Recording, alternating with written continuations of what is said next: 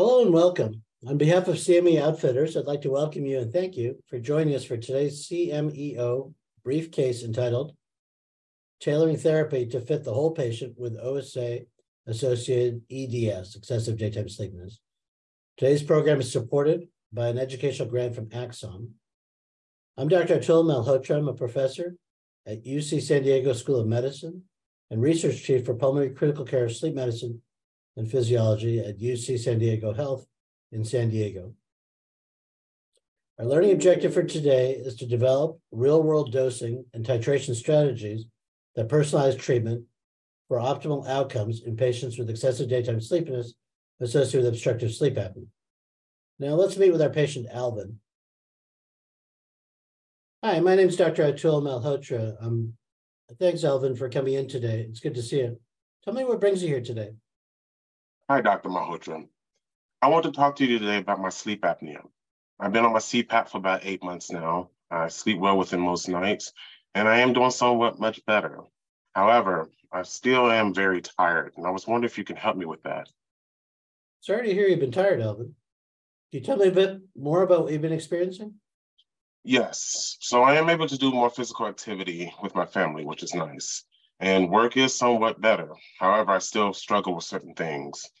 I tend to doze off at work, and although things are somewhat better, my mind is still very foggy and I just can't seem to think very clearly. I drink a lot of coffee during the day, which helps a little bit, but not much at all. Well, glad to hear you've had some improvements. Definitely want to help you in a spot where you're feeling good during the day. Uh, I know you started some modafinil three months ago. How'd that help you? So I take my modafinil every morning, which I can't really tell if it's helping at all. I'm still very tired every night, every day, and I think I'm just gonna say it's not working at all. Luckily, there's some things we can do. We can change your dosage or dosage times, which might help. We also have another medication called solriamfetol, which we can transition you to. We'll work on getting you the right dose. Let's talk about what might be best for you. Thank you, Dr. Malhotra. That sounds good. Now that we've met our patient Alvin, let's discuss the case. Alvin's a 40 year old black male with severe obstructive sleep apnea, initiated CPAP eight months ago. He received some relief of symptoms and starting on therapy, uh, starting to get more energy and more quality time with his family, but still experiencing excessive daytime sleepiness during the day, tends to nod off while at work, computer programming, and his work performance has been somewhat uh, down as a result of the sleepiness and cognitive impairment. Drinks several cups of coffee per day with limited effect, started modafinil with no significant improvements in sleepiness.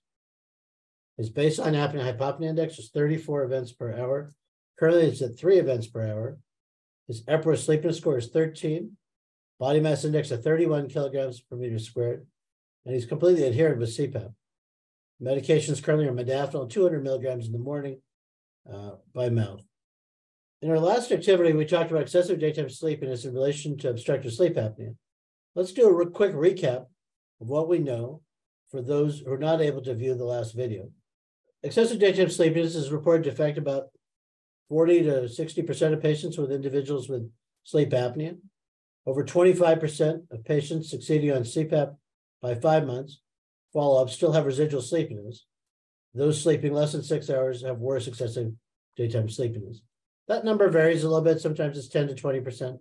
Uh, 25% would be sort of a generous estimate. Patients with sleep apnea and excessive daytime sleepiness are at higher risk of mental and physical deficits, work and daily activity impairment, and lower quality of life. So when you have patients with obstructive sleep apnea of excessive daytime sleepiness, they can present in various different ways. Some patients will report fatigue rather than sleepiness, but they really mean a propensity to fall asleep. That could be a big deal. Some patients are falling asleep at the wheel, they're falling asleep at work, or they're falling asleep in other kind of social activities. We don't always capture that well. I think the Epworth sleepiness score is good, but not great. I recently had a patient tell me that some of the questions on there don't pertain to them. One of the questions is about falling asleep in a theater or church, and this patient told me they've never been to a theater or church. Uh, they're often at the keyboard falling asleep, and that's not one of the questions in the Epworth score. So I think it is imperative to talk to patients about how sleepiness is impacting them. Sometimes it is an easy thing to kind of dismiss, saying, "Yeah, you're tired. Everybody's tired," but in some of these patients, it can be quite debilitating.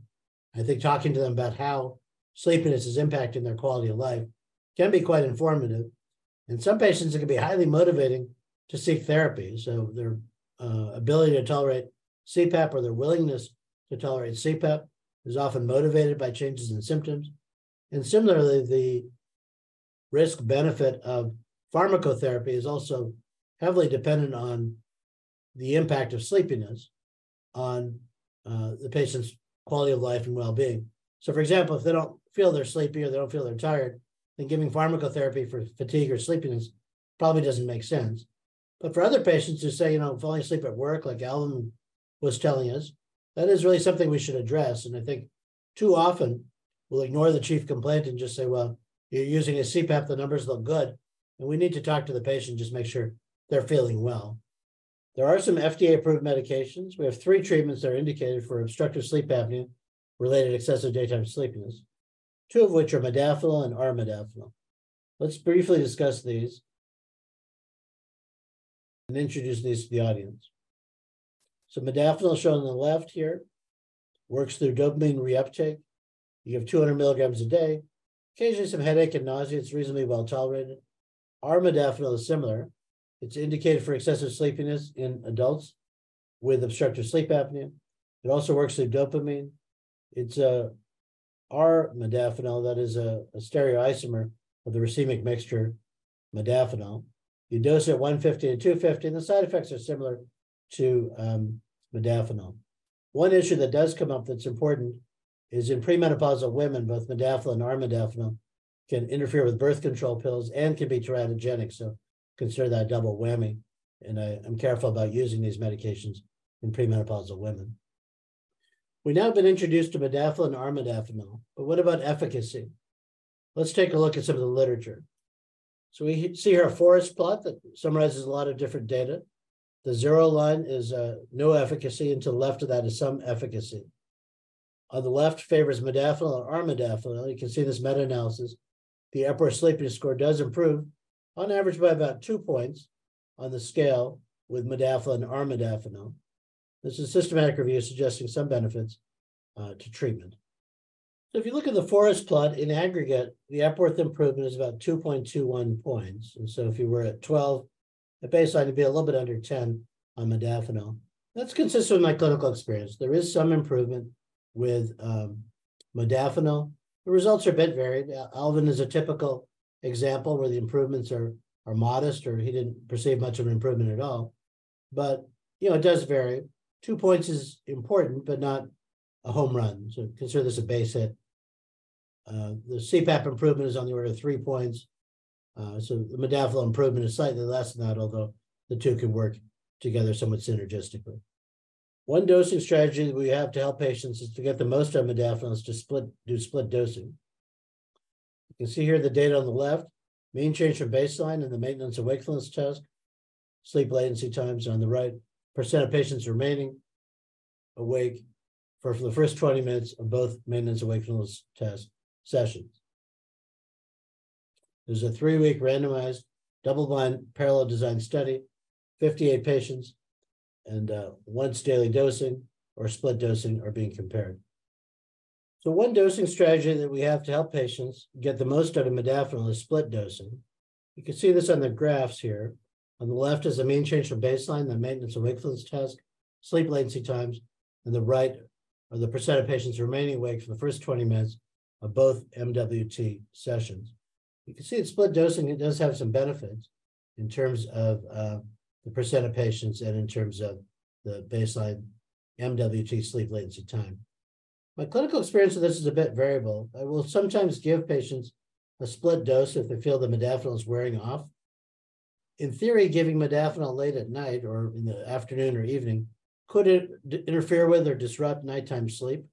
There are some published data saying it doesn't do that, that it, you know, nocturnal sleep is okay if you take modafinil in the afternoon or evening. My clinical experience is a bit varied. Sometimes patients say if they take it too late in the day, they can't sleep. But in aggregate, I do use split dosing sometimes. It just varies with the patient. Now let's talk about solriamfetol. It's one of the newer FDA approved options for obstructive sleep apnea related excessive daytime sleepiness. You can see here the mechanism of action is through dopamine and norepinephrine reuptake. People often start at a lower dose, like 37.5 milligrams, and then gradually ramp up uh, intervals at least three days to 150 milligrams.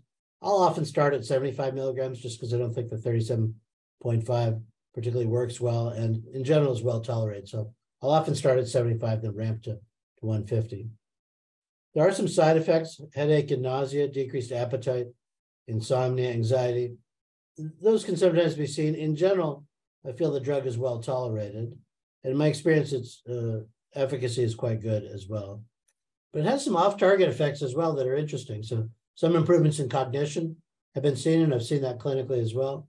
Some minor improvements in body weight have also been shown. And those are quite important because in some cases, you treat obstructive sleep apnea with CPAP and people gain weight rather than lose weight. There's meta-analysis showing increased body weight with CPAP treatment in obstructive sleep apnea, albeit minor. But the fact that solriamfetol leads to decreased body weight rather than increase, to me is quite helpful. No patient wants to come see their doctor for a treatment that might increase body weight. So I think diet and exercise, these things are imperative, but the off-target effect of solriamfetol can be helpful for some patients if they uh, come back a few pounds lighter. That certainly is uh, a welcome situation.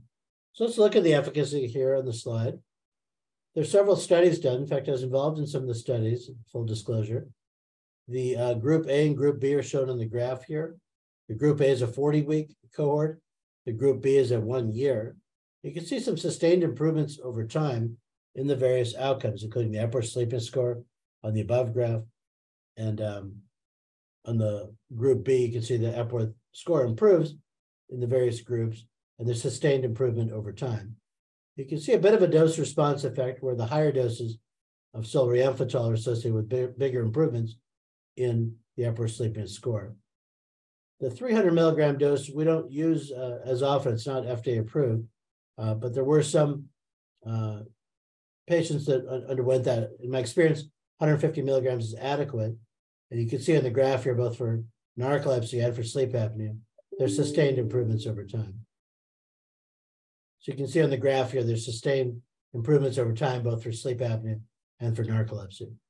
So you can see in group A and group B here that there's sustained improvements over time in the Epworth sleepiness score. We're not seeing evidence of tolerance or tachyphylaxis, and clinically, I've not seen dose escalation whereby people need more and more of a medication over time in order for them to get effects. It's early days of these medications, so maybe time will tell. But so far, I've not seen dose escalation or tolerance. If people get improvements they're sustained over time, consistent with the data we're looking at here on this slide. There's some evidence that solriamfetol may affect body weight, uh, something of significance to sleep apnea patients who tend to be obese. And uh, we're going to discuss some of the findings here. Uh, this is a study that we published in Sleep Medicine back in 2022. On the left is a solriamfetol dose on the x-axis. That's a 12-week result. And on the right is the graph looking at results at 40 weeks again with solriamfetol dose on the x-axis. You can see the percent uh, change in body weight on the y-axis, and you can see that there's decreases in body weight, particularly in the high doses of solriamfetol. But even the lower doses, weight is coming down somewhat with this medication. And for some sleep apnea patients, that can be a big deal.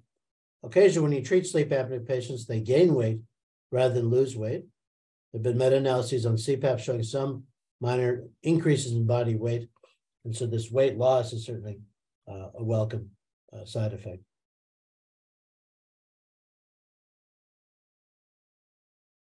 The guidance on switching from other therapies to solriamfetol has been somewhat limited. However, we have real world study that gives us some insight on dosing and titration strategies on these medications. So on the left, you can see solriamfetol initiation in obstructive sleep apnea. On the right, you can see solriamfetol initiation in narcolepsy. In gray, you see the transitions, that is, patients are on a different medication who transition to solriamfetol. That's pretty common in obstructive sleep apnea, perhaps less so in narcolepsy. The blue guys are the ones who are de novo starts, and those are quite common in obstructive sleep apnea and perhaps less so in narcolepsy. The green ones are add on medications, and those are much more common in narcolepsy than in obstructive sleep apnea on the left. There are also some differences in the discontinuation process. So solriamfetol titration administration, uh, dosing and titration strategies discontinuation approach is different in OSA narcolepsy groups. The, in blue, you can see the people discontinued abruptly, and that was seen in the obstructive sleep apnea group on the left, perhaps less so in the narcolepsy group on the right. Some of them are tapered down gradually while starting the solriamfetol, and some are tapered down before starting the solriamfetol. So some are tapered down gradually while starting the solriamfetol, some are tapered down gradually before starting the solriamfetol. Yeah, what I do clinically sort of varies with the situation. If a patient's really miserable, I'll often just add on medication to see how they do. If they really have no efficacy whatsoever, like what Alvin's describing, I might just stop the modafinil. There's no rebound or anything with discontinuing it. So my clinical practice does vary a little bit, consistent with the data we're looking at here. Yeah, I think it's important to look at physician considerations and characteristics for why we switch different medications. On the left is obstructive sleep apnea, and the right is narcolepsy. Uh, sometimes there's really no major patient factors considered in sleep apnea. The severity of sleepiness is something important, and perhaps comorbidities are important as well. Likelihood of adverse reactions is something hard to judge sometimes, so I don't particularly use that that much. Age can be a factor in some cases if you want to avoid certain medications that may be risky in the elderly, for example, though that may be a, a, more minor situation.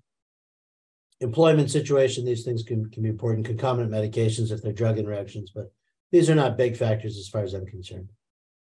When you look at the dosing and titration strategies, they are different by sleep apnea and narcolepsy groups. So on the left, you see obstructive sleep apnea here. On the right, you see narcolepsy in an obstructive sleep apnea, people will start with the lower dose, sometimes at 37.5, and then ramp up to 75 milligrams, or in some cases, 150 milligrams. But in narcolepsy, people often start at the higher dose, the 75 milligrams, and then occasionally ramp up to 150 uh, for the stable dose. As I said, my clinical practice is to start at 75. I don't see much uh, safety issue or tolerance issues at 37.5, and the efficacy is pretty modest there. So patients uh, will often do fine if you start at the higher dose. So as I mentioned, I'll typically start at 75 milligrams rather than 37.5 milligrams. I don't feel 37.5 has great risk or great efficacy, and so I'll often start at the higher dose. In my experience, it's pretty well tolerated. When I'm doing this clinically, though, I'll often tell patients that there's a range, and 75 milligrams is good, but 150 milligrams may be even better. So I'll occasionally give patients the flexibility to take two of the 75 milligrams. And that way, when they come back to see me in the clinic, I'll have a good sense of whether 150 milligrams is a good idea or not. So that happens often. In fact, it happened the other day where a patient came in saying, Yeah, I started this and it was good. I took two of them, and it was even better. And so the next prescription was for 150 milligrams rather than 75. But you know, I tell them about the side effects or potential side effects so that they're not just going up and up and in the dose without any supervision. So if they go from 75 to 150, I tell them not to go over 150 without talking to me. And it's important to check their vital signs and check their clinical status before just ramping up the dose uh, unsupervised. So on the left, on the left, you see obstructive sleep apnea. On the right, you see narcolepsy, and there are some adjustments made over time. The people who are de novo starting on medication uh, will have uh, 55% on the left and 53% on the right, they have fewer adjustments. The ones transitioning, perhaps by definition, have more adjustments. And the ones who use add on therapies are also kind of 50 50 for sleep apnea and somewhat more for the um, narcolepsy patients on the right. So, so, what I do clinically typically, as I said, I'll start at 75 milligrams. And if I see side effects, that's uncommon, first of all. But if I do, I might back off the dose, although I can't honestly say I've done that uh, in recent memory. And if they have partial efficacy, but not complete efficacy, I'll go up to 150 milligrams. It's rare that I have to back off because of tolerance issues or side effects. And occasionally I've gone over 150 milligrams, even though that's not FDA approved. We did study up to 300 milligrams in the research studies. Um, so I have occasional patients that are on bigger doses, but for the most part, they'll do fine at 75 or 150 milligrams. And I don't make a lot of adjustments beyond that. There are occasional patients I'll give adjunctive therapy, like for sleep inertia issues or that kind of thing. But in general, patients seem to do okay on 75 or 150 milligrams of solriamfetol. Okay, so we've learned a lot so far. Let's uh, revisit Alvin, who was our patient that we met. Uh, this is a 40 year old gentleman with severe sleep apnea and CPAP. What aspects of Alvin's presentation do we need to consider? Well, first of all, he's adherent with CPAP. That's a big part of it. I often see patients who are given sort of band aid type medications when their uh, treatments have not been optimized. And so for me, it's imperative to really optimize duration of sleep and CPAP adherence and residual apnea, all those things. What should we consider regarding Alvin's modafinil? Well, I want to make sure he's taking it. I want to make sure that he is um, not having side effects from it. I want to make sure that he's not underestimating the benefits. Occasionally, I'll have patients who are taking modafinil and maybe drinking less coffee, and the one is offsetting the other. But in Alvin's case, I don't think he had much benefit. He was pretty clear on that. And the question might be what dosing, titration, other transition strategies should we use moving forward? Well, in this case, if I was going to start solriamfetol, I would do so at 75 milligrams. And in Alvin's case, I probably just stopped the modafinil because he really had no efficacy from it and really didn't uh, feel it was doing much of anything. So I don't think stopping it would have any risk associated. There's no rebound or anything that's been reported. So thank you to our audience for joining me today for this wonderful program. Let's summarize our discussion with our SMART goals, specific, measurable, attainable, relevant, and timely. That is what I hope you take away from the presentation to apply to your practice. Utilizing efficacy data from FDA approved medications and developing treatment plans for patients with obstructive sleep apnea related excessive daytime sleepiness, and developing pharmacological and personalized treatment plans that address needs specific to OSA patients, such as cognitive impairment and obesity. Initiating the dose and titrating strategies that optimize outcomes for patients with obstructive sleep apnea related excessive daytime sleepiness. Today's CMEO briefcase is part of a three part series of case based activities that can be found in the Sleep Disorders Hub. I hope you'll check the other two activities in this series. The Sleep Disorders Hub has these activities and many others on obstructive sleep apnea, excessive daytime sleepiness, idiopathic hypersomnia, narcolepsy, and more. And to receive CME or CE credits for this activity, Participants must complete the post test and evaluation online. Participants will be able to download and print their certificate immediately upon completion. Thanks for joining me today. Be safe and take care of yourselves so you can provide the best care for your patients.